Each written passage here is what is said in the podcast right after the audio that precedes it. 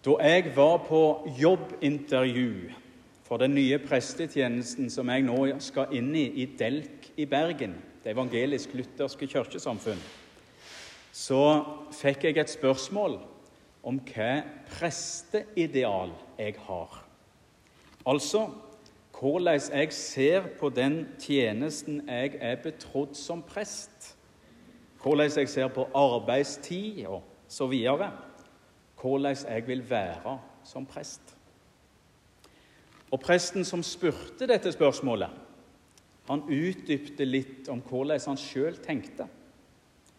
Og Han sa det at han tenkte sånn som han hadde lært av en tidligere kollega og felles venn av oss. At det å være prest, det er som å være bonde. Og det er som å ha dyr på bås. Sånn skal en prest være. Poenget er det at en skal være beredt og tilgjengelig. Som en respons på dette spørsmålet så sa jeg det at det kanskje forteller litt om hvordan jeg ser på prestetjenesten. At jeg sjøl ikke er medlem i Presteforeningen, men at jeg var medlem av Bondelaget. Og responsen den ble god. Og det at en prest er medlem i Bondelaget, det gir i grunn mening. På sett og vis, i alle fall. For når en leser Bibelen, så er det mange landbruksbilder som er brukt. Og særlig de tekstene som har med misjon å gjøre, bruker ofte landbruksbilder. Også i dagens preiketekst finner vi landbruket.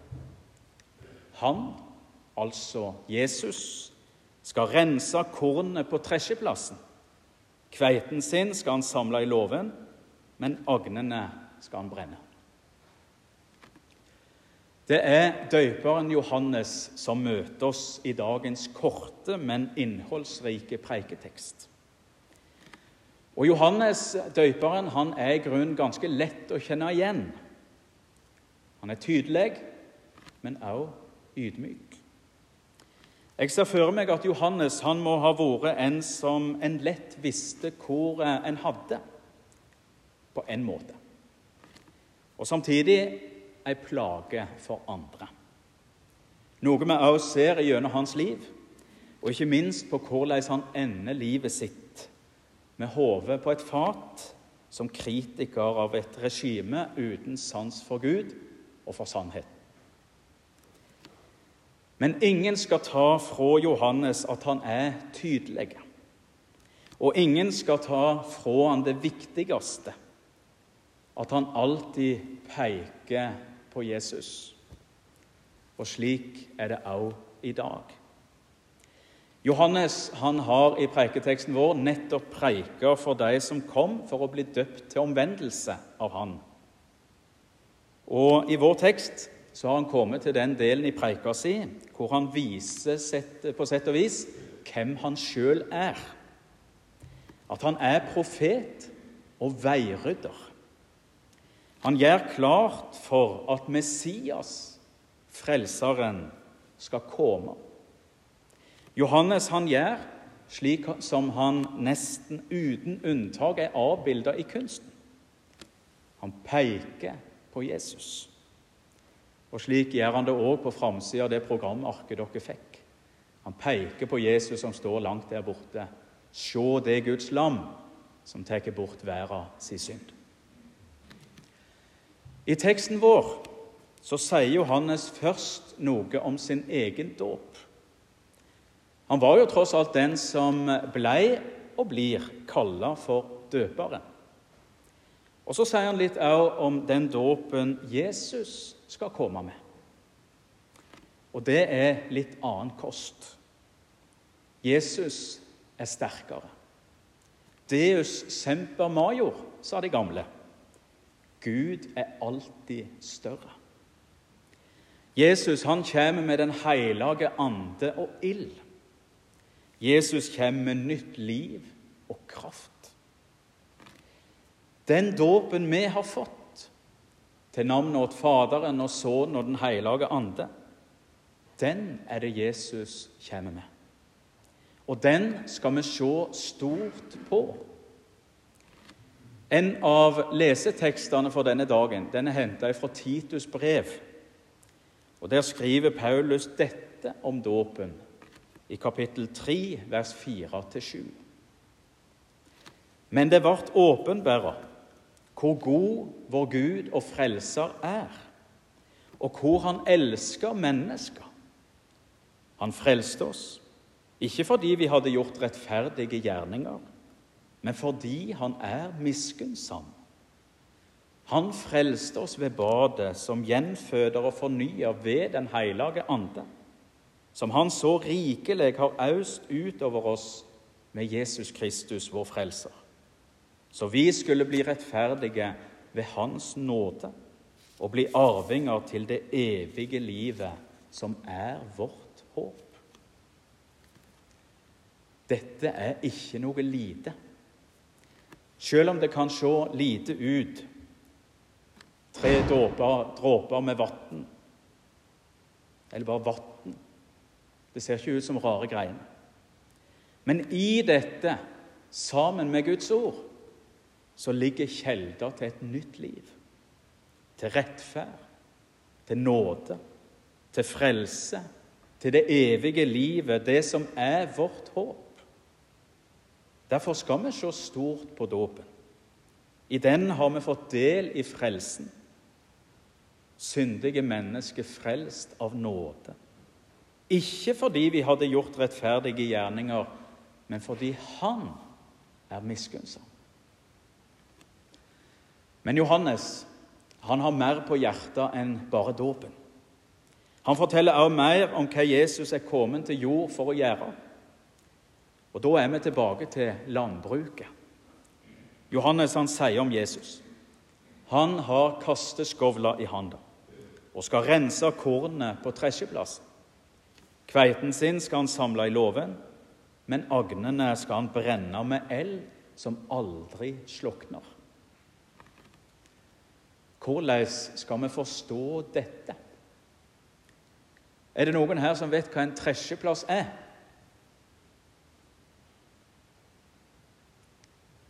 Nei. Det er vel kanskje noen som burde vite det, kanskje. Jeg har i alle fall lest Visste ikke før jeg leste i dag, men eh, jeg har i alle fall lest det. At tresjeplassen, der trampa oksene på halmen. Det har jeg lest. Og det får korn og agner til å løsne og til å falle av. Og Deretter så kaster en i kasteskovla både korn og agner opp i lufta. Og Da blås, blåser vind agner til sida. De var lette. Men siden kornet var tyngre, så falt det ned på samme plass. Så kunne en samle det inn slik. Og Slik ble det edle skilt fra det uedle det ekte kornet fra de luftige og nærest vektløse agnene. Ifølge min venn Odd Sverre Hove så må vi forstå dette noenlunde sånn som dette. Tresjeplassen, det er Israel, men også Norge. Låven er Guds rike. Agnene er de mennesker som ikke vil ta imot Jesus. Og kornet, eller kveiten, det er de som tar imot Jesus. Og elden, den som brenner agnene opp, det er den evige elden, fortapelsen. Slik sett er det alvorlige ord Jesus tar opp, eller Johannes tar opp, mener jeg. Og Johannes han er kjent for det. Han tar opp det vanskelige. Han er jo profet, og ikke hoffnarr. Det handler om frelse og fortapelse, om en realitet vi ikke kommer unna om vi tar Guds ord på alvor. Og det skal vi jo gjøre. For uten Guds ord så kan vi ingenting gjøre. Uten Guds ord har vi ikke noe håp. For kjernen i Guds ord, det er frelsen. Det er nettopp håpet det er han som Johannes peker på. og som vil samle kveiten i låven. Altså i sitt hus, i sitt rike, i Guds rike. Jesus vil frelse, og det ligger alltid som bakteppe for alle formaninger og for alle alvorsord som vi finner i vår bibel. Det handler ikke om å holde oss nede, men om å løfte oss opp. Det handler om en kjærlig far som vil det beste for sine barn. Igjen så kommer vi tilbake til det helt sentrale. For så elsker Gud været at han ga sønnen sin den enbårne. Så hver den som tror på Han, ikke skal gå fortapt, men ha evig liv. Gud sendte ikke sønnen sin til verden for at han skulle dømme verden, men for at verden skulle bli frelst ved ham. Det var derfor Jesus kom. For å samle kornet inn i låven, i Guds rike, så vi skulle få komme hjem til Far, til det evige og gode livet. Åkrene kvitner mot høsten, skal vi snart synge. En flott misjonssalme skrevet av Haldis Reigstad. Den spiller på Jesu egne ord når han sier i Johannes evangeliet Lyft auga og sjå åkrene. De kvitner mot høsten. Den som høster, får lønn, og samler grøde for det evige livet. Så den som sår, og den som høster, kan glede seg sammen. Sangen, og ikke minst Jesu egne ord, forteller om hvor viktig misjon er. Her på Vigra så har vi misjonsprosjekt knytta til Himalpartner. Og Det vil jeg sterkt anbefale, særlig i dag.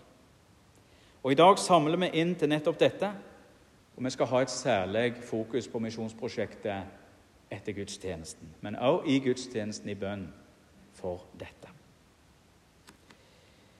Og den tida vi er inne i nå, mellom Kristi himmelfartsdag og Jonsok, så markerer vi det som dere kunne se på baksida av heftet, nemlig misjonsaksjonen 'Sammen som kirke' i hele verden.